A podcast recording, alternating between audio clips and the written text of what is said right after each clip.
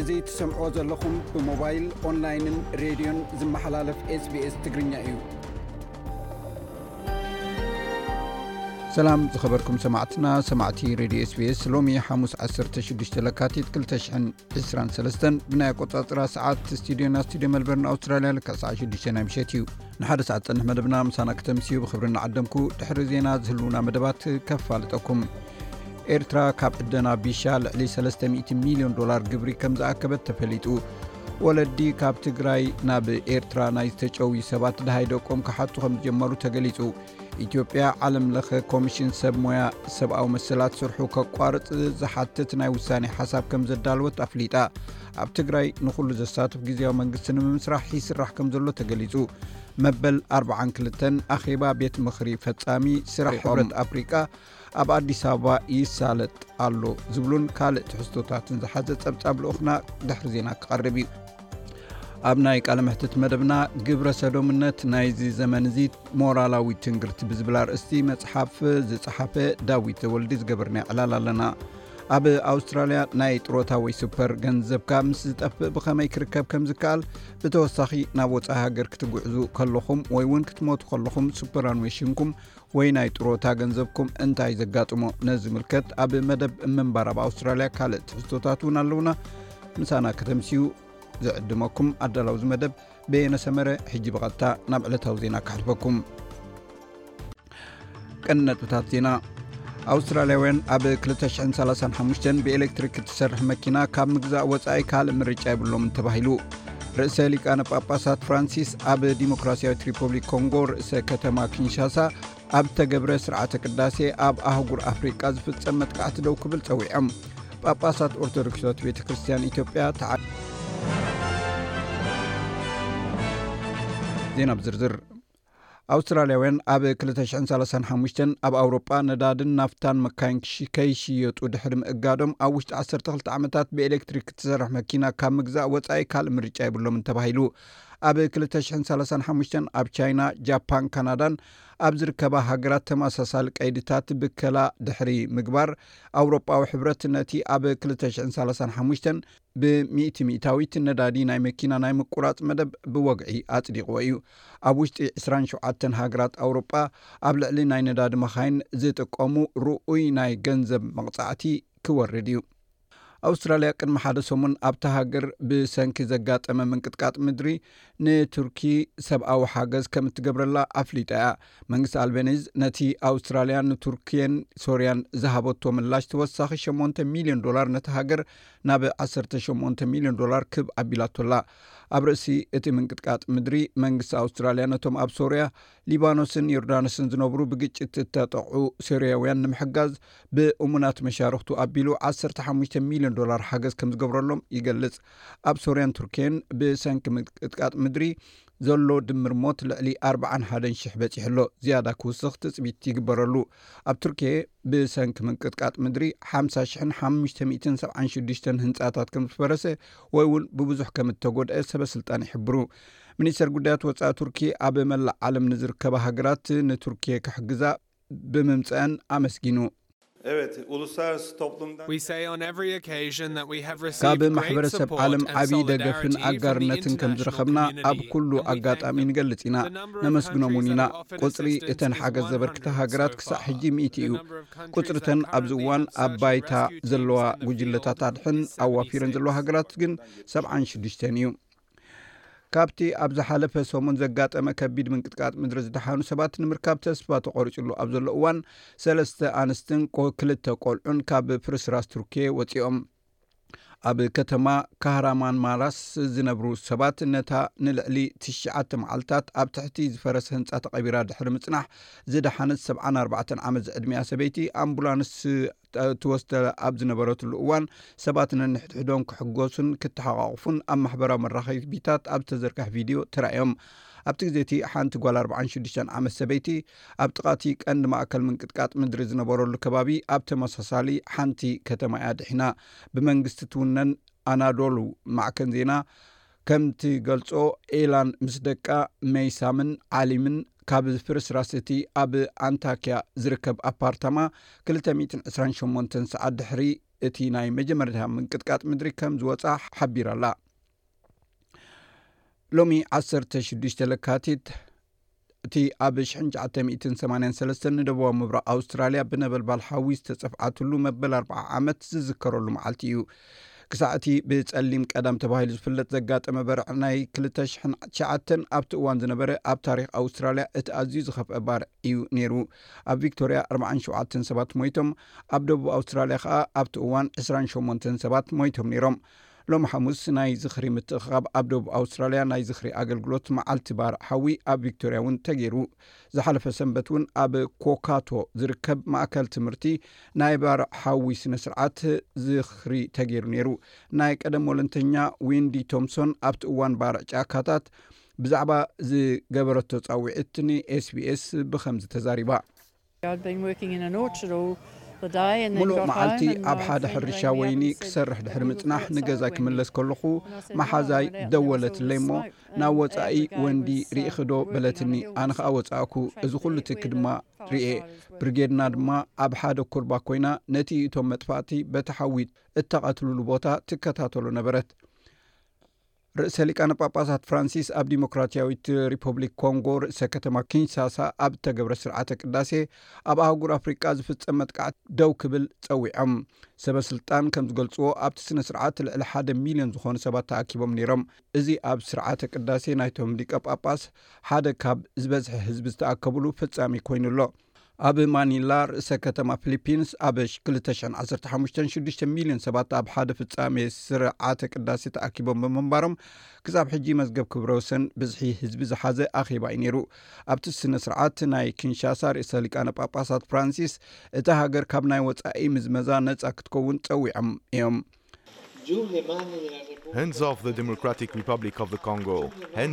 ኣእዳውኩም ካብ ዲሞክራሲያዊት ሪፖብሊክ ኮንጎ ኣልዕሉ። ኣእዳው ካብ ኣፍሪቃ ይለዓላ።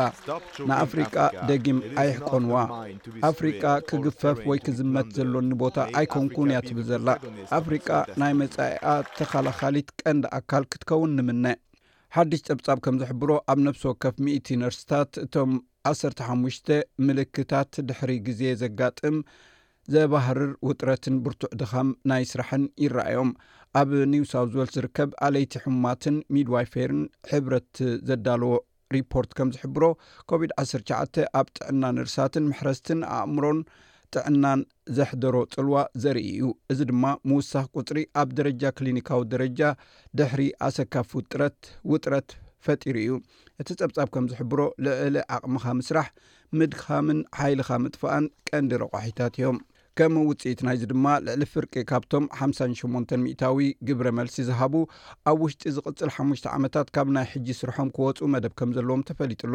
ሰላሳን ሸውዓተን ካብ ሚእቲ ኣብ ዝቕጽል ዓመት ክወጹ መደብ ከም ዘለዎም፣ ብሓፈሻ ድማ ዕስራን ክልተን ካብ ሚእቲ ምሉእ ብምሉእ ካብቲ ናይ ጥዕና ሞያ ክወጹ ከም ዝደልዩ ሓቢሮም። ሰራሕተኛታት ህይወት ኣድሕን ነቲ ኣብ ኒውዚላንድ ዘጋጠመ ዝኸፍአ ህቦብላ ዘስዓቦ ዕንወት ክግምግሙ ከለዉ፣ ሳይክሎን ገብርየለ ናብ ደረጃ ሓሙሽተ ወሪዱ ኣሎ፣ ሓምሻይ ሰብ ንግሆ ኣብ ዞባ ጊዝቦርን ከም ዝሞተ ተረጋጊጹ'ሎ። እቲ ግዳይ ኣብ ወሓይዝ ማይ ከም ዝጠሓለ ፖሊስ ይኣምኑ። ኣብ ሙርዋይ ምዕራብ ኦክላንድ ሓንቲ ናይ ምጥፋእ ባርዕ ነፋሪት ኣብ ሓንቲ ቤት ብምሕምሻሻ ሰለስተ ሰባት ሞይቶም። ኣብታ ከተማ ድማ ብርቱዕ ምዕልቕላቕ ማይ ንሓያሎ ሰባት ምስ ካልእ ከባቢታት ከይቆርጾም ተሰጊኡ'ሎ። እቲ ህቦብላ ነፋስ ልዕሊ ዓሰርተ ሽሕ ሰባት ኣመዛቢሉ እዩ። ብኣሽሓት ዝቑጸሩ ሰባት ድማ ኣብቲ ዝተመደበሎም ቦታታት ሲቪላዊ ምክልኻል ይሓድሩ ኣለዉ። ብመሰረት ሰበስልጣን እታ ሃገር፣ ቁጽሪ ምዉታት ክውስኽ ትጽቢት ኣሎ። ኣብ ምዕራባዊ ፓናማ ኣውቶቡስ ኣብ ኣጻድፍ ቦታ ምስ ወደቐት ብውሕዱ ሰላሳን ትሽዓተን ስደተኛታት ሞይቶም ዕስራ ዝኣኽሉ ድማ ቆሲሎም። ሰበስልጣን እታ ሃገር ዜግነት እቶም ስደተኛታት እኳ እንተዘይገለጹ ነቲ ካብ ኮሎምብያ ዝመጽእ ሓደገኛ ዳርየን ጋፕ ግን ሰጊሮሞ ነይሮም እቶም ብዳርየን ሰንጢቆም ዝሓልፉ ስደተኛታት መብዛሕትኡ ግዜ ብመንግስቲ ፓናማ ናብ ጥቃ ዶብ ኮስታሪካ ናብ ዝርከብ ማዓስከር እዮም ዝስደዱ ዳይረክተር ሃገራዊ ኣገልግሎት ኢሚግሬሽን ፓናማ ዝኾነት ሳሚራ ጎዜይን ከም ዝገለጸቶ እቲ መራሕ ኣውቶቡስ መእተዊ እቲ መጽለሊ ክሓልፎ ከም ዝተራእየን ክምለስ ምስ ፈተነ እቲ ኣውቶቡስ ምስ ካልእ ኣውቶቡስ ተጋጭያ ናብቲ ጸድፊ ወዲቓ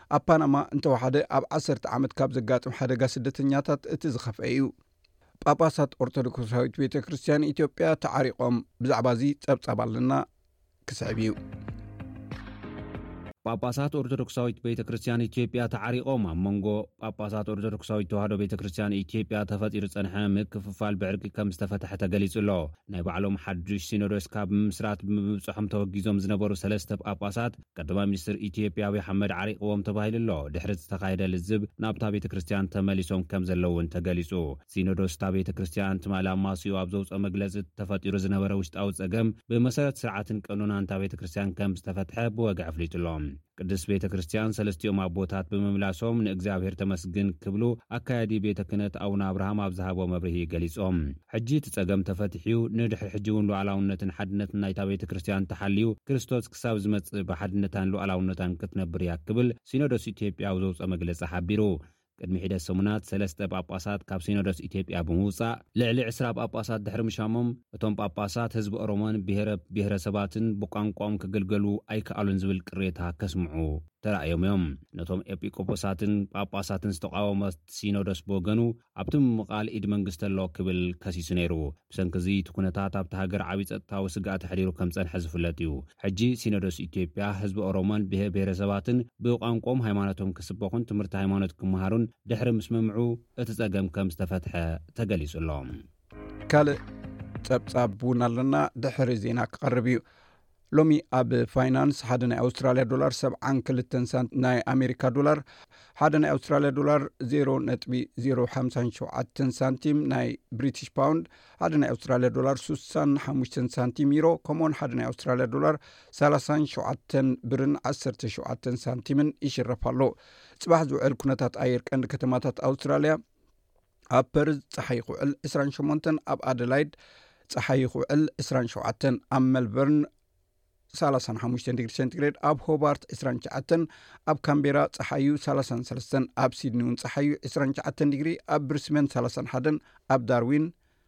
ሰላሳን ሰለስተን ዲግሪ ሰንቲግሬድ እምበኣር ሰማዕትና ንሎሚ ዝበልናዮም ዜናታት ወዲእና ኣለና ምስ ዝተረፉ ትሕዝቶታት መደብና ምሳና ክተምስዩ ደጊም ዕድመኩም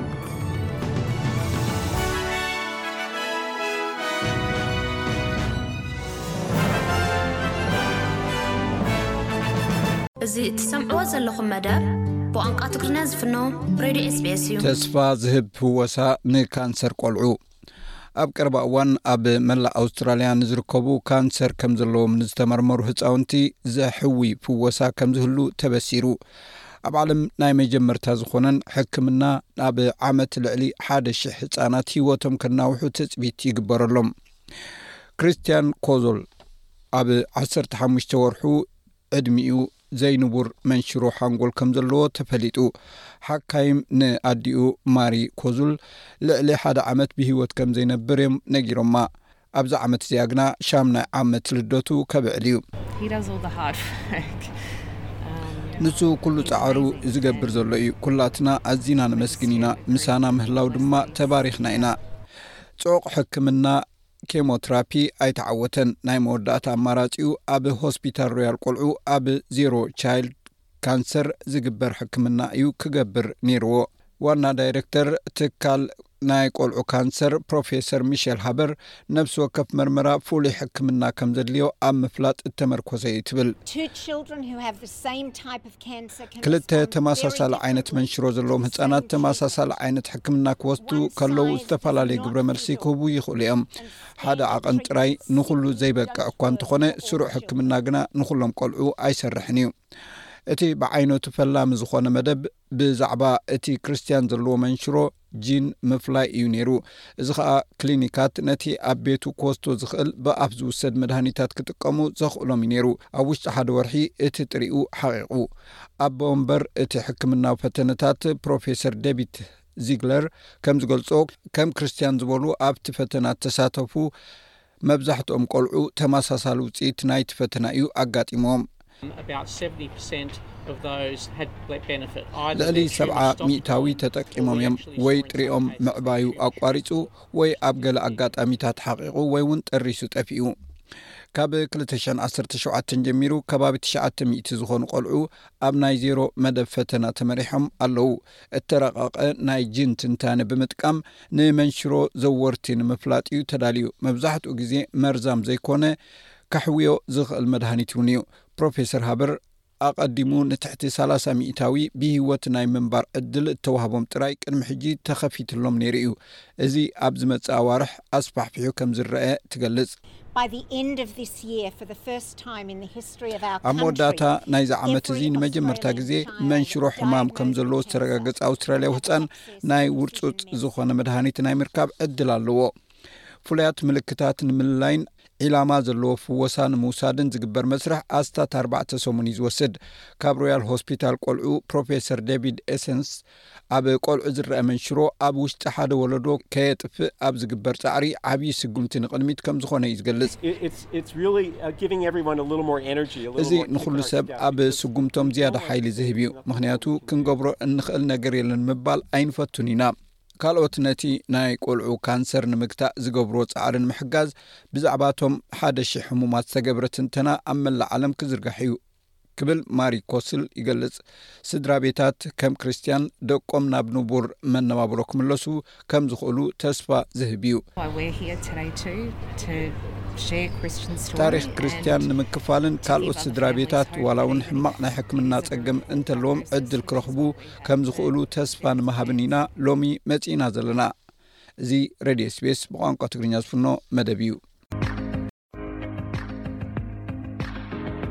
ሰላም ጥዕና ሃበልና ከመይ ትቕንዩ ክቡራት ተኸታተልቲ ስቤስ ትግርኛ ንሰዓት ተዳለዉ ዜናታት እንሆ ፈለማ ኣርስታቶም ክነቕድም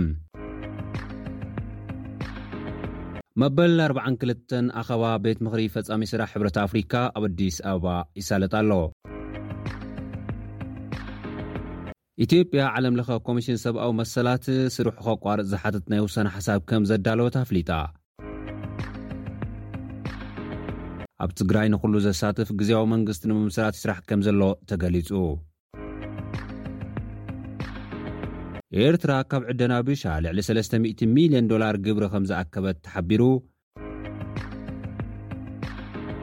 ወለዲ ካብ ትግራይ ናብ ኤርትራ ናይ ዝተጨወዩ ሰባት ደሃይ ደቆም ክሓቱ ከም ዝጀመሩ ተገሊጹ ዝብሉ ነሰዓት ተዳለዉ እዮም።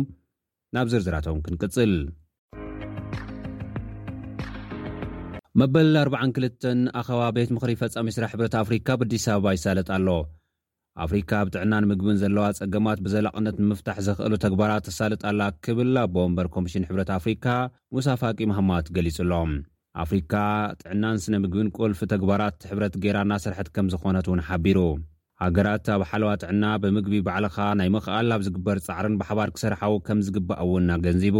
ብመዳይ ኢኮኖሚ ንግዲ ኣፍሪካ ንምክያድ ድማ ትግበራ ናፃ ኣህጉራዊ ንግዲ ቀጠና ኣፍሪካ ንምቅልጣፍ እናተሰርሐ ከምዝርከብ ገሊፁ። ኣብ ኣፍሪካ ኢንቨስትመንት ንምስፍሕፋሕ ዘለዋ ሃፍቲ ፀንቂቃ ንምጥቃም፣ ዲጂታላይዜሽን ንምቅልጣፍ፣ ስግግር ፍልጠት ንምፍጣር ብዕቱብ ክስራሕ እዩ እውን ኢሉ ኣሎ። ኣብ መዳይ ኣህጉራዊ ሰላምን ድሕነትን ድማ መኣዝን ኣፍሪካዊ ፀገማት ብኣፍሪካዊ መፍትሒ ኣብ ኢትዮጵያ ሓዊሱ ኣብ ብዙሓት ሃገራት ኣፍሪካ ብመሪሕነት ሕብረት ሰላም ናይ ምርግጋፅ ስራሕቲ እናተሰርሐ ከምዝኾነ ገሊፁ። ሕብረት ኣፍሪካ ዝገብሮም ፃዕርታት ንክዕወቱ ኣባላት ሃገራትን መሓዙት ኣካላትን ሓገዞም ከበርትዑ እውን ፀዊዑ። ተለዋዋጢ ኣብ ዝኾነ ዓለም ለኻዊ ፖለቲካ፣ ኣፍሪካ ኣብ ምክብባርን ሓበራዊ ተረባሕነትን ዝተመርኮሰ በዓል ብዙሕ ወገን ምትሕብባራት ከምእተሕይል እውን ገሊፁ ኣሎ። መበል ኣርብዓን ክልተን ኣኸባ ቤት ምኽሪ ፈፃሚ ስራሕ ሕብረት ኣፍሪካ ካብ ዝጅምር ሎማዕንቲ ካልኣይ መዓልቱ ገይሩ ኣሎ። እቲ ኣኸባ ቤት ምኽሪ ሚኒስትራት ጉዳያት ወፃእን ወከልቲ ኣባል ሃገራት እቲ ሕብረትን ዝሳተፍሉ እዩ። እቲ ቤት ምኽሪ ተግባራት ኣህጉራዊ ንግዲ ቀጠና ኣፍሪካ ምቅልጣፍ መሪሕ ሓሳብ ጉባኤ ሕብረት ኣፍሪካ ክልተ ሽሕን ዕስራን ሰለስተን ኮይኑ ንክስየም ኣብ ዝቐረበ መበገሲ ሓሳብ ከምዝዛተ እውን ተገሊፁ እዩ። እቲ ቤት ምኽሪ ኣብ ዘትኡ ዘፅድቖም ዛዕባታት ኣብ መበል ሰላሳን ሽዱሽተን ጉባኤ መራሕቲ ሕብረት ኣፍሪካ ክቐርብ ትፅቢት ተገይሩ ኣሎ። ጉባኤ መራሕቲ እቲ ሕብረት ዝመፅእ ቀዳመ ሰንበት ኣብ ኣዲስ ኣበባ ከምዝጅመር እውን ተገሊፁ ኣሎ።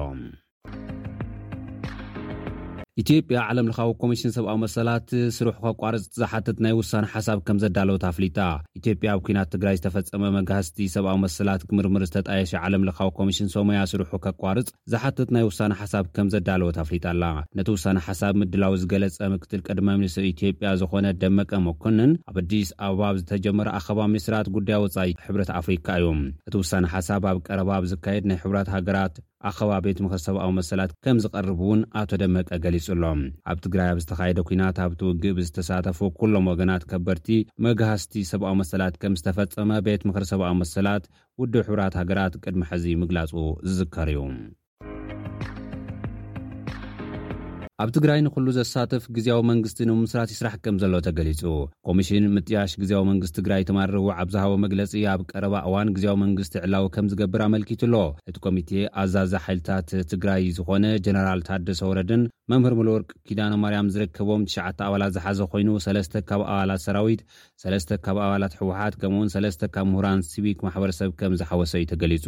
ብዛዕባ እቲ ዝጣየሽ መንግስቲ ኣመልኪቱ ኣብ ሰሙን ኣብ ውሽጢ ዓድን ኣብ ወፃእን ዝነብሩ ተወለድቲ ትግራይ ምይይጥ ከምዝገብር ዘፍለጠ እቲ ኮሚቴ ዝተፈላለዩ ኣካላትን ሰልፍታትን ብኸመይ ክሳተፉ ከምዝኽእሉ ካልኦት ነጥብታት ዝምልከቱ ብዝርዝር ዝርርብ ዝግበረሎም ምዃኖም ገሊፁ ኣሎ። ብተወሳኺ ኣብ ዙርያ ምጥያሽ ግዝያዊ መንግስቲ ትግራይ ምስ መንግስቲ ፌዴራል ኣብ ፅቡቕ ምርድዳእ ከምዝተበፅሐ ሓቢሩ። እቶም ኣባላት ኮሚቴ እቲ ዕላዊ ክኸውን ግዝያዊ መንግስቲ ተባሂሉ ዝጣየሽ መንግስቲ ንህዝቢ ትግራይ ከም ዝረብሕ ገይሮም ክሰርሑ ዝግበኦም ምዃኑ ኣብ ምርድዳእ ከም ዝተበፅሐ መምህር ሙሉወርቅ ኪዳነማርያም ገሊፁ። እቲ ኮሚቴ ንኹሉ ዘሳትፍ፣ ግልፅን ዴሞክራሲያውን ብዝኾነ ኣግባብ ግዝያዊ መንግስቲ ንምጥያሽ ይስራሕ ከም ዘሎ ዝሓበረ ጀነራል ታደሰ ወረደ ሚእቲ ሚእታዊ ዘይክኸውን ይኽእል እዩ ግን መብዛሕቲኡ ትግራዋይ ዝድገፎ ክኸውን ክንፅዕር ኢና ኢሉ። ብተወሳኺ፣ እቲ ኣብ ቀረባ እዋን ዕላዊ ክኸውን ትጽቢት ዝግበረሉ ግዝያዊ መንግስቲ ብኻልእ መገዲ ዝጽሎ ከምዘይኸውን ኣመልኪቱ ኣሎ። እቲ ኮሚቴ ምጥያሽ ግዝያዊ መንግስቲ ኣብ ዝተፈላለዩ ቦታታት ትግራይ ዝፍጸም ዘሎ ጾታዊ መጥቃዕቲ ብዝምልከት ንዝቐረበሉ ሕቶ እውን መልሲ ሂቡ ኣሎ። ሕጂ እውን ጸገም ዝፈጥሩ ሓይልታት ኣለዉ ክብል ጀነራል ታደሰ ወረደ እቲ ጸገም ከምዘሎ ኣብሪሁ። ሓይልታት ኤርትራን ዕጡቓት ፋኖን ኣብ ውሽጢ ትግራይ ይንቀሳቐሱ ከም ዘለዉ፣ እንተኾነ ክልቲኦም ሓይልታት መሊኦም ካብ ትግራይ ዝወጽሉ ኩነታት ይጠዓዓም ከም ዘሎ እውን ገሊጹ። መላእ ትግራይ ገና ነጻ ኣይወጸን ዘሎ ዝበለ እቲ ጀነራል፣ እንተኾነ እቲ ስምምዕ ሰላም ዝዕንቀፈሉ መገዲ ከም ዘየለ ተዛሪቡ። ኤርትራ ካብ ዕደና ቢሻ ልዕሊ ሰለስተ ሚእቲ ሚልዮን ዶላር ግብሪ ከም ዝኣከበት ተሓቢሩ። መንግስቲ ኤርትራ ካብ መዐደኒ ቢሻ ብግብርን ካልእ ብጽሒታትን ኣስታት ሰለስተ ሚእቲ ሚልዮን ዶላር ኣታዊ ምግባሩ ተገሊጹ ኣሎ። ንኣቦ ወንበር ናይቲ ኣብ ኤርትራ ናይ ዕደና ንጥፈታት ዘካይድ ዘሎ ቻይናዊ ትካል ዚጅን ጂንገ ሺን ጸሪሑ ነዚ ዝሓበረ ሬድዮ ኤረና፣ ንዝተፈላለዩ ናይ ዕደና ዕድላት ኣብ ኣፍሪካ የወዳድር ኣብ ዝነበረ እዋን እዚ ጉዳይ ከምዝገለጸ ሓቢሩ'ሎ። መንግስቲ ኤርትራ ካብ ግብርን ካልእ ብጽሒታትን ሰለስተ ሚእቲ ሚልዮን ዶላር ምርካቡ ከም ኣብነት ብምጥቃስ ኣብ ክልተ ሽሕን ዓሰርተ ትሽዓተን ስርሑ ዝጀመረ ትካል ዕደና ቢሻ ካብ ዝኾነ ፕሮጀክት ቢሻ ዚንክ ኮፐር ልዕሊ ሰላሳን ክልተን ሚልዮን ቶን ዚንክ ንዓመት ብምፍራይ ሓደ ካብ ዝዓብዩ መዐደኒታት ኣብ ኣፍሪካ ይኸውን ከምዘሎ ገሊጹ። እቲ ቻይናዊ ትካል ደቡብ ኣፍሪካ'ውን ካብኡ ተማሂራ ናይ ዕደና ዕድላታ ንትካላት ቻይና ክፉት ክትገብር ከም ዝተማሕጸነ እቲ ማዕኸን ዜና ጸብጺቡ'ሎ። ወለዲ ካብ ትግራይ ናብ ኤርትራ ናይ ዝተጨወዩ ሰባት ደሃይ ደቆም ክሓቱ ከም ዝጀመሩ ተገሊጹ። ካብ ትግራይ ብወተሃደራት መንግስቲ ኤርትራ ናይ ዝተጨወዩ ሰባት ዝኾኑ ኣባላት ስድራቤት ሃላዋት ደቆም ክእልሹ ከም ዝጀመሩ ማዕኸናት ዜና ኢትዮጵያ ጸብጺበን። ጋዜጣ ኣዲስ ስታንዳርድ ኣብ ዘርግሖ ሓበሬታ መፋርቕ ጥሪ ናይዚ ዓመት ካብ ጉሮ እንዳጋብር ዝተባህለ ጥቓ ከተማ ኣኽሱም ዝርከብ ዓዲ ብሰራዊት ኤርትራ ናይ ዝተጨወዩ መናእሰይ ዝኾኑ ስድራቤት፣ ደሃይ ደቆም ክንገሮም ምምሕጻኖም ገሊጹ'ሎ። እቶም ወለዲ ደቆም ዝተጨወዩ ናብቲ ሰራዊት ኤርትራ ኣብ ሽረ ዓስኪርሉ ዝነበረ ቦታ ብምኻድ ደሃይ ደቆም ከምዝሓተቱን እንተኾነ ሰራዊት ኤርትራ ካብቲ ቦታ ተንቀሳቒሱ ስለዝጸንሐ ደሃይ ዝህቦም ከምዘይረኸቡ ኣዲስ ስታንዳርድ ኣብ ዝዘርግሖ ሓበሬታ ገሊጹ'ሎ። ኣመሓዳሪት ላዕላይ ማይጨው ወይዘሮ ኣበባ ተስፋይ ብወገነን ብሰራዊት ኤርትራ ከምዚ ዓይነት ተግባራት ብተደጋጋሚ ምፍጻሙ ብምዝኽኻር እቲ ጉዳይ ኣብ ልዕሊኦም ንዝርከቡ ሰብ መዚ ከም ዝሓበሩ ምግላጻ ሓቢሩ'ሎ። ደቅና ኣባላት ሰራዊት ትግራይ ኣይነብሩን ዝብሉ እቶም ወለዲ ዋላ'ኳ ጉዳዮም ንናይቲ ከባቢ ሓይልታት ጸጥታ እንተሓበሩ ብዘይካ ናብ ላዕለዋይ ኣካል ሕቶኹም ክሓልፍ'ዩ ካልእ ዕቱብ መልሲ ከም ዘይረኸቡ እዩ እቲ ጸብጻብ ኣመልኪቱ ዘሎ። ክቡራት ተኸታተልቲ SBS ትግርኛ ነዚ ሰዓት እተዳለወ ዜና እዚ ይመስል። ምሳና ጸኒሕኩም ስለ ዝተኸታተልኩም ኣዚና ነመስግን። ኣብ ካልእ ትሕዝቶ ክንራኸብ ኢና። ሰላም። እዚ እትሰምዕዎ ዘለኹም መደብ ብቋንቋ ትግርኛ ዝፍኖ ሬድዮ ኤስቢኤስ እዩ። ዝኸበርኩም ሰማዕትና ሰማዕቲ ሬድዮ ኤስቢኤስ ሎሚ ዕዱምና ኣቶ ዳዊት ዘወልድ እዩ። እሱ ጸሓፊ እዩ። ቅድሚ ሕጂ ገለ መጽሓፍቲ ጽሒፉ ነይሩ ኣስር ቅዱሳን ትብልን ካልእ ኣብ ዝተፈላለዩ መጽሔታት እውን ዝጽሕፍ እዩ። ኣብዚ ቁርብ እዋን ዘውፅኣ ብዛዕባ ግብረ ሰዶምነት ናይዚ ዘመን እዚ ሞራላዊ ትንግርቲ ብዝብል ሓደ መፅሓፍ ናብ ዕዳጋ ኣቕሪቡ ኣሎ። ብዙሓት ርእይቶታት ይህቡላ ኣለዉ ብዛዕባ እታ መፅሓፍ ማለት እዩ። ብዛዕባኣን ምስኡ ዝተኣሳሰረ ሕቶታትን ክንሓቶ ኢና ፀዊዕና ዘለና። የቐንየለይ ዳዊት። ኣቶ በየናይ ኣነ ውን ብጣዕሚ የመስግነካ ነዚ ዕድል ስለዝሃብካኒ ክብረት ይሃበለይ የቀንየለይ። ሕራይ ግብረ ሰዶምነት ካብቲ ሽም ኣትሒዝና ክንብገስ እሞ ግብረ ሰዶም ዝበሃል ኣይ ቲንክ እዚ ሆሞሴክሹዋሊቲ ንብሎ ብእንግሊዝኛ ኣፀዋውዓ ማለት እዩ ግብረ ሰዶም ናይ ብሓቂ ግቡእ ሽም ድዩ ነተ ማለት ከም ሽም ክትጠቕሱ ከለካ መፅሓፍ ዝኣክል ብእውን ፅሒት ፀዊዕካ ስለ ዘለካስ ካብ ምንታይ እዩ ዝብገስ ግብረ ሰዶም ምባል እቲ ግብረ ሰዶምነት ዝብል ቃል ኣብ ትግርኛ ክንወስዶ ከልና ሓንቲ ቃልያ ግብረ ሰዶምነት ግን በቲ እዋናዊ መግለፂ ክንበሎ ከልና ግና ፅላል ናይ ብዙሓት ዓይነት ወሲባዊ ተግባር እዩ እቲ ወሲባዊ ተግባር ከዓ ኣብ ሕድሕድ ፆታ ዝግበር እንድዩ ማለት ብካል ኣባሃላ ጓል ኣንሰይቲ ምስ ጓል ኣንሰይቲ ወተባዕታይ ምስ ወተባዕታይ ገሊኦም ከዓ ምስ ከምኡ ከዱ ሕጂ በቢ ዓይነቱ ዓይነት እቲ ካብቲ ንሕና ንቡር እንብሎ ሰብኣይን ሰበይትን ካብ ወጻኢ ዝግበር ብዙሕ ዓይነታት ግብረ ሰዶም ስለዘሎ ስለዚ እታ ኣብ ትግርኛ ግብረ ሰዶምነት ተባሂላ ዘላ ጽላል ናይ ብዙሓት ዓይነት ግብረ ወሲብነት እዩ። ዎ ማለት ኣብ መጽሓፍ ቅዱስ ኣብ ሶዶምን ጎሞራን ዝበሃል ታሪኽ እንድሕር መጽዩ ምስኡ ዝተተሓሓዘ ኮይኑ ተሰሚዕኒ ማለት ብሕማቕ ተገሊጹስ ናይ ኣምላኽ ድማ ሓደ ጥፍኣት ወይ መርገም ከም ዝወረዶም ዝገልፅ እዩ እሞ ቁሩብ ኣሉታዊ ምልክት ይህልዎ ዶ ኾን እዚ ብኸምዚ ክንፅውዖ ከለና? እወ፣ ቃል ብቓሉ እቲ መበቆል ናይቲ ቋንቋ እቲ ግብረ ሰዶምነት ዝብል ካብቲ ናይ መጽሓፍ ቅዱስ ኣብ ሰዶም ዝበሃል ከተማ ኣብዚ ከተማ እዚ ብፍላይ ቅዱስ መጽሓፍ ቅዱስ ከም ዝብለና እቶም ዓሰቡት ኣብ ንሓድሕዶም ሕሉፍ ዝኾነ ካብ ግቡእ ወፃኢ ጥራይ ዘይኮነስ ልዕሊ ዕቅን ዝኾነ ኣብ ንሓድሕዶም ዝገብሮ ዝነበሩ ፆታዊ ርክብ ከም ሳዕቤኑ ከዓ ብቁጥዓ ናይ እግዚኣብሄር እዛ ከተማ ከም ዝጠፍአት እዩ ዝነገረና ማለት እዩ ስለዚ ሞራላዊ ተሓታትነት ስለ ዘለዎ ብርግፅ ኣብዚ እዋን እዚ ብመንፈሳውን ብኩለንትናውን ዓይኒ ርኢና መበቆል ናይቲ ቋንቋ እውን ካብኡ ዝመፀ እዩ ስለዚ መበቆሉስ ካብቲ ቅዱስ ፅሑፍ ዝመፀ እዩ ናብታ መፅሓፍካ ክንከይድ ማለትሲ ሕነ። ንኩሉ መበገሲ ኣለዎ እንድዩ እዚ ጉዳይ እዚ ኣብ ዓለም ደረጃ ዓብይ እ፣ ማለትሲ ዛዕባ ምዃኑ ንፈልጥ ኢና ማለት ኣብ ገሊኡ ንኣብነት ኣብ ኣውስትራልያ እ፣ ከም መሰል እ፣ ተቢሉ ፀዲቑ ናይ ህዝቢ ድምፂ እውን እ፣ ብፓርላማ ፀዲቑ ሕጂ ሕጋዊ እዩ እ፣ ስለዚ ዓብይ ኢሹ ወይ ሓብ- ዓብይ ጉዳይ ኮይኑ ዝረኣየሉ እዋን እዩ እሞ እዚ ክትፅሕፍ ከለኻ መቸም ንኣንበብቲ ትግርኛ ሕብረተሰብ ዓሊምካ ዝፀሓፍካዮ ብምዃኑ መጠን ኣብ ሕብረተሰብና እዚ ጉዳይ እዚ ከመይ እቲ ተርእዮ ስለዚ ዓቢ ስለ ዝኾነ ድዩ ፅሒፍካ ካብ ምንታይ እዩ ዝብገስ እዚ ጉዳይ ቁሩብ ከም ድሕረ ባይታ እውን ምልስ ኢልካ እቲ ኣብ ማዕባብላ ናይቲ ኩነታት እውን ተገሊፅካልና ፅቡቅ ነይሩ ግርም ፅቡቅ ኣገዳሲት ሕቶ ንዓይ ኮይና ዝስምዓኒ ምናልባት እዚ ቅድሚ ግብረ ሰዶምነት እቲ ኣብ ሃገርና ንዓና ዘገድሰና ድዩ ኣየገድሰናን እዩ ቅድሚ ምባለይ ንግብረ ሰዶምነት ብዓለም ለኸ ደረጃ ክርእዮ ይፈቱ።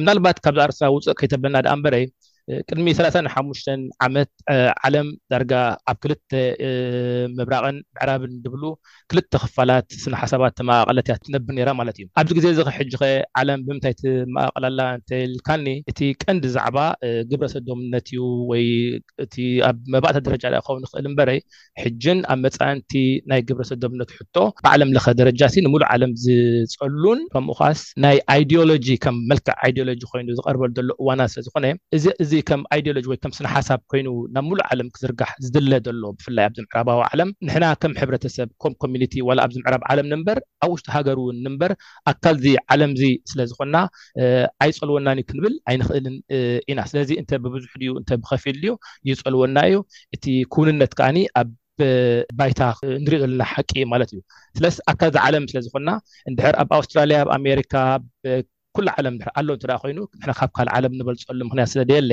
ንዓና ከም ሕብረተሰብ የገድሰና እዩ። ሕራይ ኣብ ሕብረተሰብና ናብኡ ንኺድ እሞ እዚ ጉዳይ እዚ ከም ዘሎ እዩ ማለት ካብቲ ባህላ ካብቲ ዓለማዊ ኩነታት እውን ክንወፅእ ስለ ዘይንኽእል ኣሎ ኢልና እንዲና ንቐበል ዘለና እንድሕር ኣሎ እቲ ሕብረተሰብ ብኸመይ እዩ ዝሕዞ ኣተሓሕዝኡ ከመይ እዩ ፀኒሑ ክሳብ ሕጂ ኣብ ገሊእ ሕብረተሰብ ክሳብ ምቕታል ክሳብ ኣብ ሕማቕ ነገር ኣብ ከምኡ ዝተዋፈሩ ሰባት ኣብኡ ከምኡ ዘለዉ ሰባት ብሕማቕ ኣተሓሕዛ ክተሓዙ ፀኒሖም እዮም እሞ ከመይ ዝመስል ኣብቲ ታሪክ ናይ ሕብረተሰብና ከምዚ ዓይነት ጉዳያት ከምዚ ዓይነት ጉዳያት ብሓፈሻ ብፍላይ ከዓ እዚ ሕቶ ናይ ግብረ ሰዶምነት ከም ሕብረተሰብ ካብ ባህልኡ ካብ ነዊሕ ኣትሒዝካ ዓቀባዊ ሕብረተሰብ እዩ ኣብ ሃይማኖት ክርስትና ከምኡ ውን ኣብ ሃይማኖት ምስልምና እዚ ነገር እዚ ቅቡል ስለ ዝኾነ እቲ ሕብረተሰብ ኣይተቐበሎን ጸኒሑ።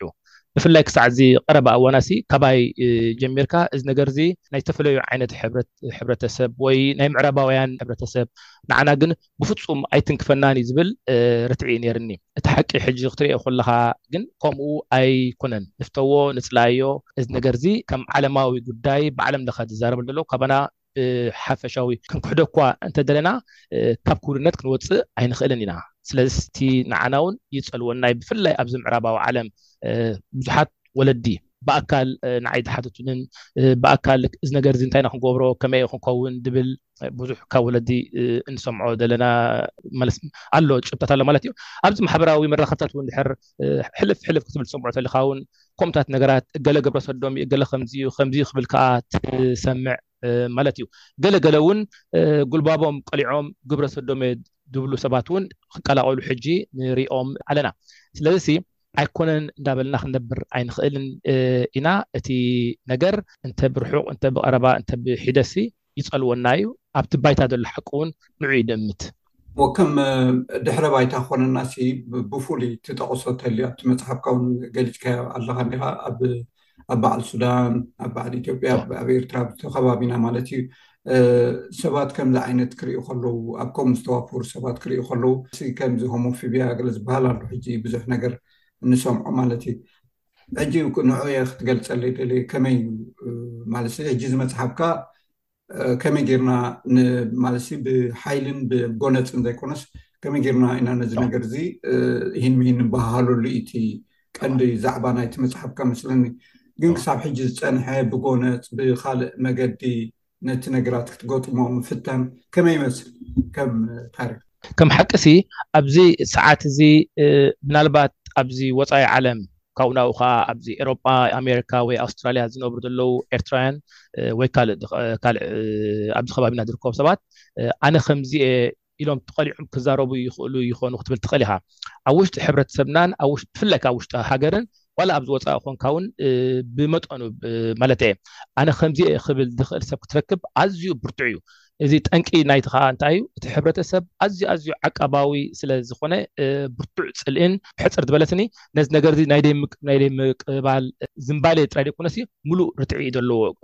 ሕጂ ካብዚ ርትዒ እዚ ካብዚ ሃይማኖታዊ ርትዕን መንፈሳዊ ርትዕን ማለት ካብ መንፈሳዊ ርትዕን ካብቲ ባህላዊ ርትዕን ተበጊስካ ነዚ ነገር እዚ ክንዮ ምክሓድ እዩ ከይዱ ኣባናስ ኣይብፅሓናን እዩ ኣይምልከተናን እዩ ድብል እውን መፅኡ ዳርጋ ምናልባት ኣብ ሕብረተሰብና እዚ ነገር እዚ እንድሕር ከምኡ ኮይኑ ድሕር ተረኪቡ ሲ ወይ ኣይደኖ ናይ ቀረባ ግዜ ፀብፃብ የብለይን እምበረ ወይ ክሳዕ ሞት ዘብፅሕ ፍርዲ እውን ክበፅሖ ይኽእል እዩ ዋላ መንግስቲ እንታይ ፈርዶ ወይ ከምኡ ተረኺቦም ሰባት ኣለዉ ድዮም እዚ ብጭብጥ ዝበለ መፅናዕቲ ዝግበረሉ ዘድልዮ እኳ እንተኾነ ግን ዝኾነ ሓደ ካብ ኣብ ኣካል ናትካ ማሕበረሰብ ናትካ ሲ ከምኡ ኮይኑ ክትቅበሎ መንጎ ኣብ መንጎኻ ከዓ ክነብር ብፍፁም ክፃወሮ ዝኽእል የለን እዚ ከዓ እቲ ሕብረተሰብ ክሳብ ሕጂ ብጎንፂ ይኸይድ ስለ ዘሎ ብፍላይ ካብ ብሕጂ ኣብ ምዕራባዊ ዓለም ስድራ ቤትን ቆልዑን ክንሪኦም ከለና ልክዕ ከምዚ ማይን ዘይትን ኮይኖም ክረዳድእሉ ዘይክእሉ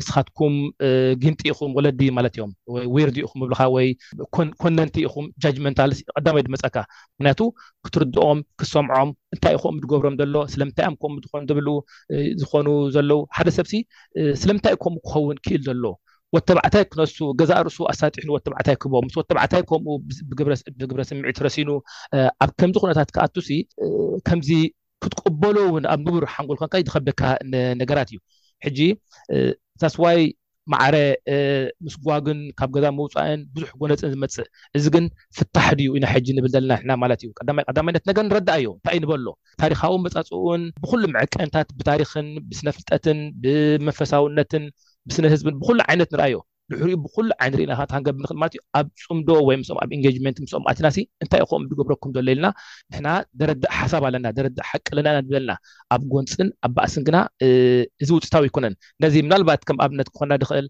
ኣብ ኣሜሪካ ሲ ብዛዕባ ምንጻል ጥንሲ ተሪር ኣብቲ ዓቃባዊ ሕብረተሰብ ወይ ከባቢ ተሪር ኣብ ዝነበረሉ እዋን ነተን ከምኡ ዝገብራ ክሊኒካት ብሓዊ የቃጽልወን ይሃርምወን ብዙሕ ነይሮም። ንግብረ ሰዶማውያን እውን ከምኡ ኣብ በዓላቶምን ኣብ ካልእ ማለን ብዙሕ ምህራምን ገለን ይመጽእ እዩ። ሕጂ ግን እዚ ነገር እዚ ግን ፍታሕ ድዩ? ዘላቂ ፍታሕ የምጽእ ድዩ? ኣብ መወዳእታሲ ብሓቅን ብርትዕን መጒትካ ኢኻ ከተርትዕ ዘለካ፣ መጒትካ ኢኻ ሓቅኻ ክትነግር ዘለካ ደኣ እምበረ፣ እቲ ጎንጺ ዝበሃል ጽቡቕ ኣይኮነን። ሕራይ መጽሓፍካ እሞ ብኸመይ ማለትሲ እንታይ ኣብቲ ሕብረተሰብ ከመይ ተቐባልነት ረኺቡ ማለትሲ ገለ ግብረ መልስታት ረኺብካ ክትከውን ትኽእል ኢኻ ክሳብ ሕጂ ብፍላይ ወለዲ ምናልባት እውን ኣብ ከምኡ ዝተዋፈሩ ደቆም እውን እንተልዮም እሞም ዲቦማ እንተኮይኖም እንታይ ግብረ መልሲ ኢኻ ረኺብካ እዋ እቲ ክሳብ ሕጂ ረኪበዮ ዘለኹ ግብረ መልሲ ኣዝዩ ዘተባብዕን ኣዝዩ ኣወንታውን እዩ። ሓደ ካብቲ ዝረኸብክዎ ግብረ መልሲ እንታይ እዩ ድብል በቲ ኣወንታዊ ክጅምር ማለት እየ እቲ ኣሉታዊ ድሓር ክደግማ እየ። እቲ ኣወንታዊ ብዙሓት ወለዲ ክሳብ ሕጂ ከም ማሕበረሰብ፣ ብሓፈሻ ከም ወለዲ ከኣ ብፍላይ ኣብዚ ነገር እዚ ፍርሂ ድበሃል ነገር ኣሎ። ኣብኡ ከለኻ ጥራይ ካብቲ ነገር ክትሃድመሉ ክትርሕቐሉ። ምክንያቱ ደቆም እዚ ግብረ ሰዶምነትኒ ኣብዚ ምዕራባዊ ዓለም ኣብ ካሪክሌም ኣትዩ ኣብ ስርዓተ ትምህርቲ ኣትዩ ዝመሃርን ከም ምሉእ መሰል ተወሲዱ ዝጉስጎሰሉን ፍሉይ ሓለዋ ዝግበረሉን ዘሎ እዩ። ደቆም ነዚ ሓቂ እዚ ክምጉትዎም ከለዉ እንታይ ከም ዝብልዎም እውን ኣይፈልጡን እዮም። ኣብቲ ዝመሃርዎ ዘለዉ ትምህርትስ ወዲ ዲኻ ጓል ኣለልየሉ እስኻስ ብኣካል ወዲ ኮይኑ ይስምዓካ ኣሎ እምበረ ጓል ከይትኸውን ቁሩብ ፍለጦ ቁሩብ ከምታ ስምዒት ጀንደር ዲስፎርያ ድባሃል ውን ከምታ ታለካ ተደኣ ኮይኑ ከይትኸውን ኢልካ ኣብ ዝባሃለሉ እዋን እዚ ኩሉ እዚ ሓቂ ካብ ቤት ትምህርቶምን ካብ ከባቢኦምን መተዓቢቶምን ሒዞም ናብ ወለዶም ይመጹ እሞኒ እቶም ወለዶም ከ እንታይ ኮኑን እንታይ ኮም ዝብልዎም ሞጊቶም ክረትዑ ኣይክእሉን እዮም ወይ ሓሳብ የብሎምን እንታይ ከም ዝብሉ ሰደይፈልጡ ብዙሕ ግዜ ኣብ መዋጥር ወይ ተኾርኒዖም ዝሰርፍሉ ብዙሕ ነይሩ ሕጂ ካብዛ ዝሰማዕክዋ ግና ናይ ብዙሓት ሓያለ ወለዲ ዝሰማዕክዋ ግና ነዛ መጽሓፍ እዚኣ ምስ ኣንበኩሲ ድሕሪ ሕጂ ምስ ወደይ ኣብ ጽምዶ ክኣቲ ክእል እየ ኢህን ሚህን ክበሃሃል እኽእል እየ እንታይ ከም ዝብሎ እፈልጥ እየ ዝብሉኒ ብዙሓት ሰባት ረኺበ ማለት እዩ እዚ ሓደ ካብቲ ዘተባብዕ ማለት እዩ ብሞራላዊ ዓይኒ ርኢኻ፣ ብመንፈሳዊ ዓይኒ ርኢኻ፣ ብኹሉ ዓይኒ ርኢኻ ስኒ እንታይ ክብሉ ከም ዝኽእሉ ሲ ሓሳብ ኣስኒቓትና፣ የዕጢቓትና እሞኒ ካብዛ መጽሓፍ እዚኣ ብዙሕ ኣወንታዊ ነገር ረኺብና ዝብሉ ናይ ብዙሓት ወለዲ ዝሰማዕክዎ ክሳብ ሕጂ እዩ ማለት እዩ። እቲ ከም ሓደ ከም ፍርሂ ዝበሃል ወይ ብኣሉታ ዝረኣኹ ለዃ እንታይ እዩ ቅድም ቀዳድም እታ መጽሓፍ ናይ ቀስተ ደበና ኣብኡ ምስ ረኣዩ ርእይ ምስ ኣበልዋ ጥራይ ይስንብዱ ማለት እዩ። እቲ ቅሩብ ከም ንዓይ ዘተሓሳሰበኒ ከኣ እንታይ እዩ፣ ክስንብዱ ብምኽኣሎም እቲ ሕብረተሰብ ክሳብ ክንደይ ኣብ መዋጥር ሓሳብ ስኢኑ እንታይ ከም ዝብል ኣብ ናይ ሓሳብ መዋጥር ከም ዘሎ እዚ ክግንዘብ ክኢለ ማለት እዩ።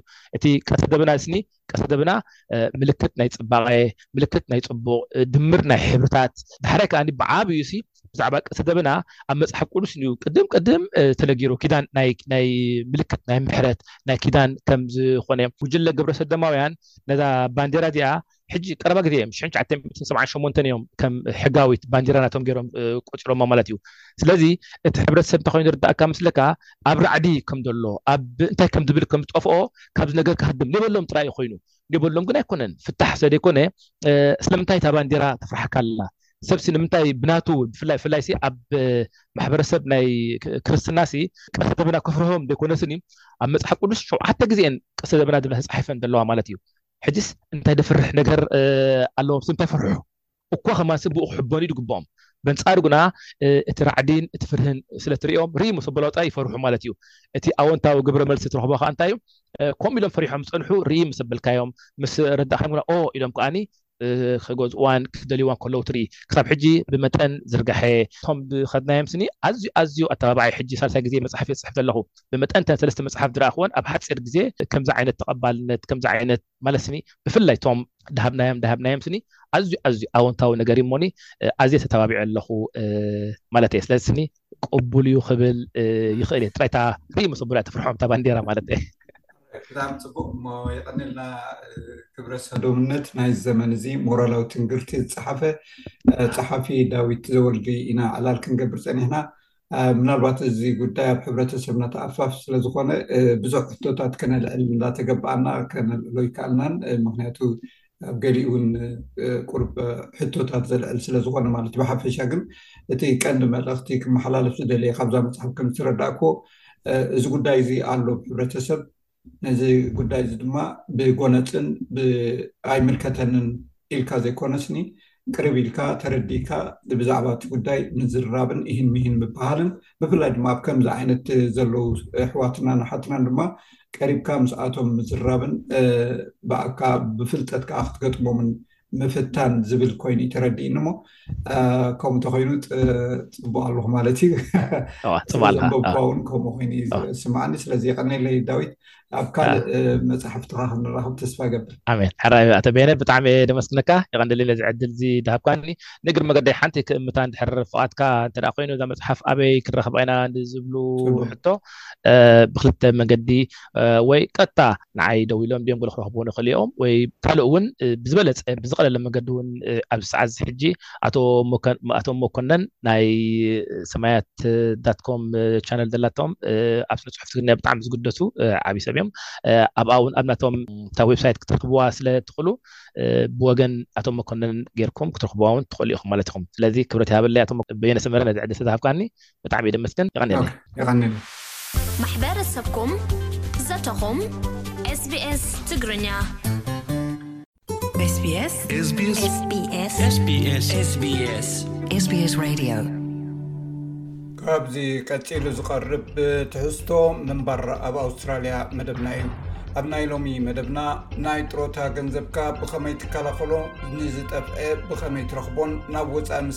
እትገይሽ እንታይ ትገብርን ዝብል እዩ ሰናይ ምክትታል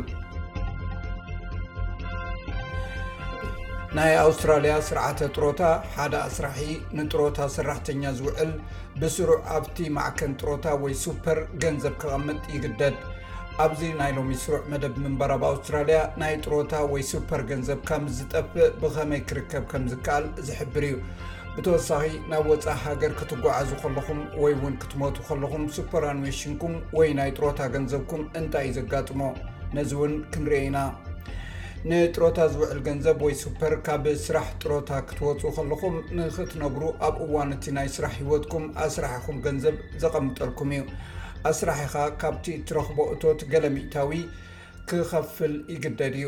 እቲ ናይ ሱፐር ገንዘብ ድማ ጥሮታ ክሳዕ ትወጽእ ነቲ ገንዘብ የውፍሮ። ኣብ ኣውስትራልያ እቲ ሕሳብ ዘይንጡፍ ዋላ እንተኾነ ውልቀ ሰባት ብዘይ ጭቡጥ ናይ ሱፐራንዌሽን ገንዘብ ከይስእኑ ንምክልኻል ስጉምትታት ይውሰዱ እዮም። ኣድራሻታት ናይ ሰራሕተኛ እንተተቐይሩ እሞ እቲ ወሃቢ ኣገልግሎት ጥሮታ ነቲ ሰራሕተኛ ክረኽቦ እንተዘይክኢሉ፣ ነቲ ዘይተኸፍለ ገንዘብ ናብ ቤት ጽሕፈት ግብሪ ኣውስትራልያ ወይ Australian Taxation Office፣ ATO፣ ክመሓላለፍ ይግደድ። ናይ ATO ምክትል ኮሚሽነር ኤማ ሮዘንወርግ ብዛዕባ እቲ ከም ዝጠፍአ ጌርካ ዝውሰድ ሱፐር ወይ ናይ ጥሮታ ገንዘብን ብዛዕባ እቲ ዘጋጥም ነገራትን ትገልጽ። Lost super is super money that's held by superannuation funds where the fund has lost ዝጠፍእ ናይ ሱፐር ገንዘብ ብማዕከን ሱፐር ዝተታሕዘ ገንዘብ እዩ እዚ ዘጋጥም እቲ ኣቅራቢ ኣገልግሎት ጥሮታ ኣድራሻኻ ምስ ዝስእኖን እቲ ሕሳብ ንጡፍ ምስ ዘይከውንን እዩ ስለዚ እቲ በብእዋኑ ዝቕመጥ ዝነበረ ገንዘብ ምስ ዘቋርፅ ወይ እቲ ዝግበር ዝነበረ ውፅኢት ምውፃእ ናይቲ ሰራሕተኛ ኣይተቐበለን ማለት እዩ እቲ ማዕከን ሱፐር ክሳዕ ዝረኽቡኻ ኣደስኪሉ ይጸንሕ፣ እንተኾነ ግን ብመገዲ ናይ ኦንላይን ኣገልግሎታት ከምኡውን ብናይ ATO ኣገልግሎታት ኣቢልና ንኽንፍትኖን ንኽንሕግዞም ጸብጻብ ይህቡና። ነቲ ሰብ እንተዘይረኺቦሞ ገለ ዝጠፍአ ሱፐር ናባና ይመሓላለፍ። ቤት ጽሕፈት ታክስ ኣውስትራልያ፣ ATO፣ ነቲ ዋና ዝሰኣነ ናይ ጥሮታ ገንዘብ ወይ ሱፐር ምስ ተረከቦ፣ ነቲ ገንዘብ ምስ ዋንኡ እንደገና ንምርኻቡ ስጉምቲ ይወስድ። ሓደ ሰብ ሱፐር ጠፊኡኒ ኢሉ ምስ ዝሓስብ፣ በቲ ናይ ATO ናይ ኢንተርነት ኣገልግሎታት ምድላይ ዝበለጸ እዩ። ከምኡውን ዝርዝራት ኣድራሻኻ በብእዋኑ ምሕዳስ ኣገዳሲ እዩ። If people do think that they've got some lost super or that we might be holding super money for them and you can't find it in ሰባት ገለ ዝጠፍዐ ሱፐራት ወይ እውን ናይ ጥሮታ ገንዘብ ከም ዘሎ እንተሓሲቦም ወይ ምሳና ሒዝናዮ ኣሎና ዝብል ኣተሓሳስባ እንተልዎም እሞ ብኦንላይን ኣብ ኤቲኦ ክርከብ እንተዘይክኢሉ ናይቲ ሰብ ኩሉ ዝርዝር ሓበሬታ ወይ እውን ሓበሬታ ከም ዘይረኸብና እዩ ዘመልክት ስለዚ ሰባት ክገብርዎ ዝኽእሉ ዝኾነ ገንዘቦም ቅድሚ ሕጂ ኣብ ዝተፈለየ ማዕከን ሱፐር ሕሳብ ሒዞም ንዝነበሩ ሰባት ንምርኻብን ኩሉ ናይ ርክብ ዝርዝራትን ናይ ባንክ ሕሳብን ኣብ መርበብ ሓበሬታ ኢንተርነት ኣገልግሎታት ብዝተኻእለ መጠን ከም ዝሕደስ ምግባር እዩ። ዣቬር ኦህሎራን ናይ ሱፐር ኮንስዩመር ኣውስትራልያ ዳይረክተር ኮይኑ፣ እቲ ትካሎም ናይ ነጻ ሱፐር ኣንዌሽን ናይ ተጠቀምቲ ተሓላቒ ትካል እዩ።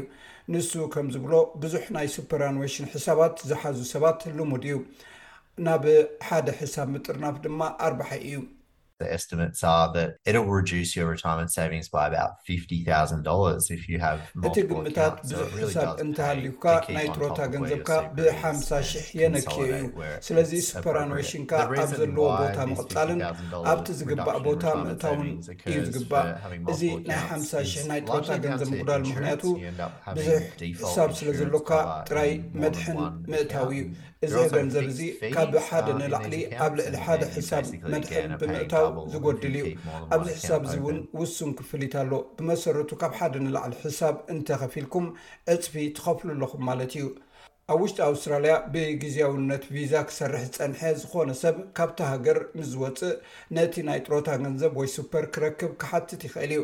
ኣብ ውሽጢ ኣውስትራልያ ኮንካ ንናይ ኣውስትራልያ ሰራሕተኛታት ጥሮታ ክፍሊት ወይ DASP መመልከቲ ምጅማር ይከኣል። እንተኾነ ግን ቪዛኻ ክሳብ መዓልቲ ዝውዳእ ወይ እውን ክሳብ ዝስረዝ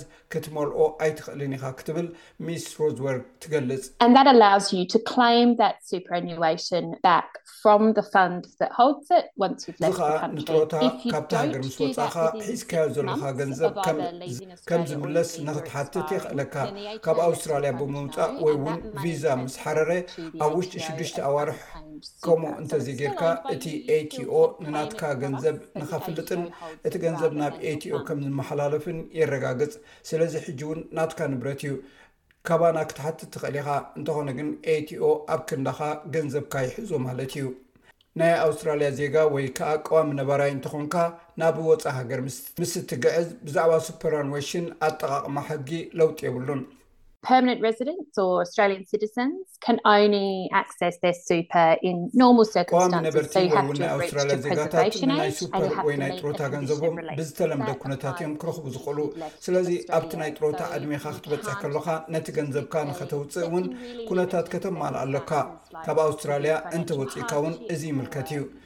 ስለዚ ብጀካ ኣብ ኣዝዩ ድሩት ዝኾነ ኩነታት ብከም ከቢድ ናይ ገንዘብ ፀገም ወይ ውን ናይ ፅንኩር ሕክምናዊ ኣገልግሎት ንምርካብ ብገንዘብካ ከተማልእ ዘይምኽኣል እንተዘይኮይኑ ናይ ጥሮታ ገንዘብካ ቅድሚ ናይ ጥሮታ ዕድመ ምእካሉ ክትጥቀመሉ ኣይትኽእልን ኢኻ። ሚስተር ኦህላሮን ሰባት ኣብ ወፃኢ ሃገር እንከለዉ ንጥሮታኦም ብዝበለፀ ንምቁፅፃር ክገብሩዎም ዝኽእሉ ቀለልቲ ነገራት ኣለዉ ከም ንዝርዝር ኣድራሽኦም ምሕዳስ፣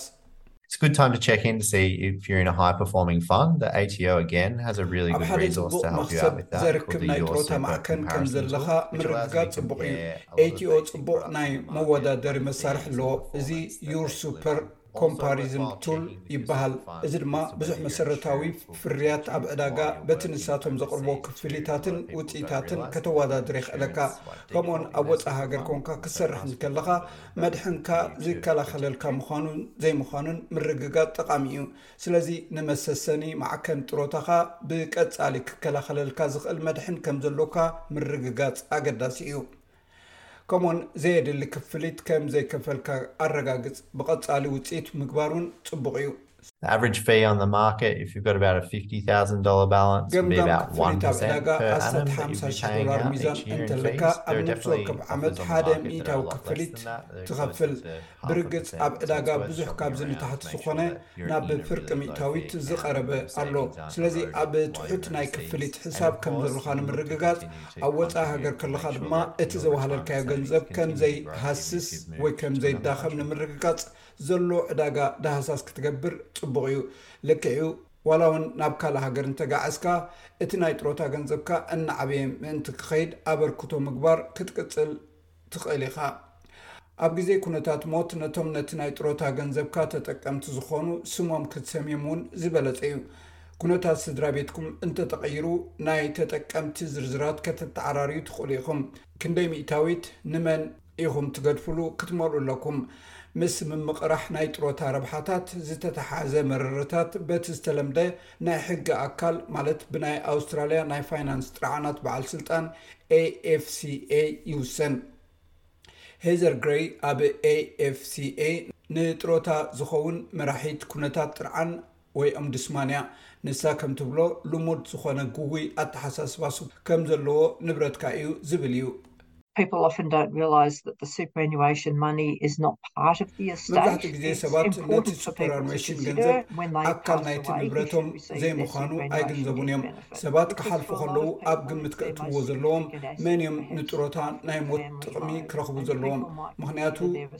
ብዙሓት ሰባት ምናልባት ድሕሪ ናይ ስድራ ገዛውቲ እቲ ገንዘብ እቲ ዝዓብየ ሃብቲ ክኾኖም ይኽእል እዩ። ሰባት ንንብረቶም ብሓፈሻ ኣብ ግምት ከእትውዎም ይኽእሉ፣ ምናልባት እውን ሓደራ ክገብሩ ይኽእሉ። እንተኾነ ግን ምኽሪ ክረኽቡን ንጥሮታኦም ዝምልከት ቅድመ ምድላዋት ክገብሩን ኣለዎም። ሰብ ድሕሪ ምስ ናይ ሞት ረብሓ ዝተተሓሓዘ እንታይ ክገብሩ ከም ዘለዎም ምስ ዝዘራረቡ ኣብ ውሽጢ ዕስራን ሸሞንተን መዓልቲ ምስ AFCA ክራኸቡ እቲ ውሳኔ ዘይፍትሓዊ እዩ ኢሎም ምስ ዝኣምኑ ይግባይ ክብሉ ይግደዱ። ሽዑ እቲ ውሳኔ ይግምገም ከምኡውን ነቲ ጥርዓን ዝምልከት ቀያዲ ውሳኔ ይወሃብ። ሚስ ግረይ ብዛዕባ ውሳኔ ናይ ኣቐማጢ ማዕከን ብዙሕ ግዜ መረረ ከም ዝቐርብ ትዛረብ።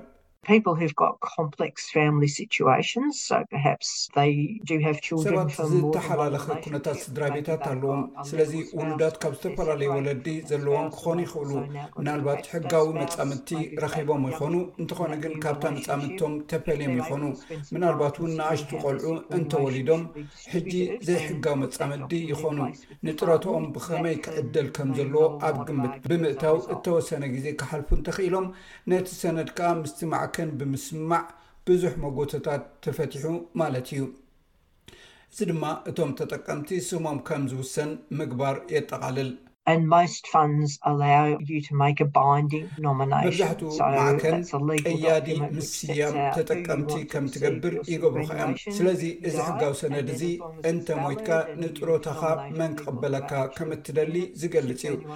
ክሳብ ብቑዕ ዝኾነ ከምኡውን ነቶም ንጥሮታ ሕጊ ዝውከሉ ሰባት ሓጺኻዮም እንተለኻ፣ እቲ ማዕከን ጥሮታ በቲ ዝሃብካዮ ሓደራ ቅዩድ እዩ።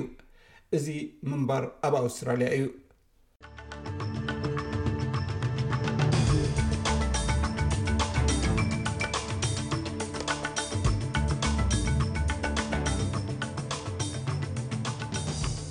ሰማዕትና ብናይ ሎሚ መደብና ዓጊብኩም ክትኮኑ ተስፋ እንዳገበርኩ ናይ ሎሚ ቀንዲ ነጥብታት ዜና ክደግመልኩም ኣውስትራልያውያን ኣብ 235 ብኤሌክትሪክ ትሰርሒ መኪና ካብ ምግዛእ ወፃኢ ካልእ ምርጫ የብሎምን ተባሂሉ ርእሰ ሊቃነ ጳጳሳት ፍራንሲስ ኣብ ዲሞክራስያዊት ሪፑብሊክ ኮንጎ ርእሰ ከተማ ክሽንሳሳ ኣብ ዝተገብረ ስርዓተ ቅዳሴ ኣብ ኣህጉር ኣፍሪቃ ዝፍፀም መጥቃዕቲ ደው ክብል ፀዊዖም ጳጳሳት ኦርቶዶክሳዊት ቤተ ክርስትያን ኢትዮጵያ ተዓሪቖም ባር ሰማዕትና ናይ ሎሚ መደብና ወዲና ኣለና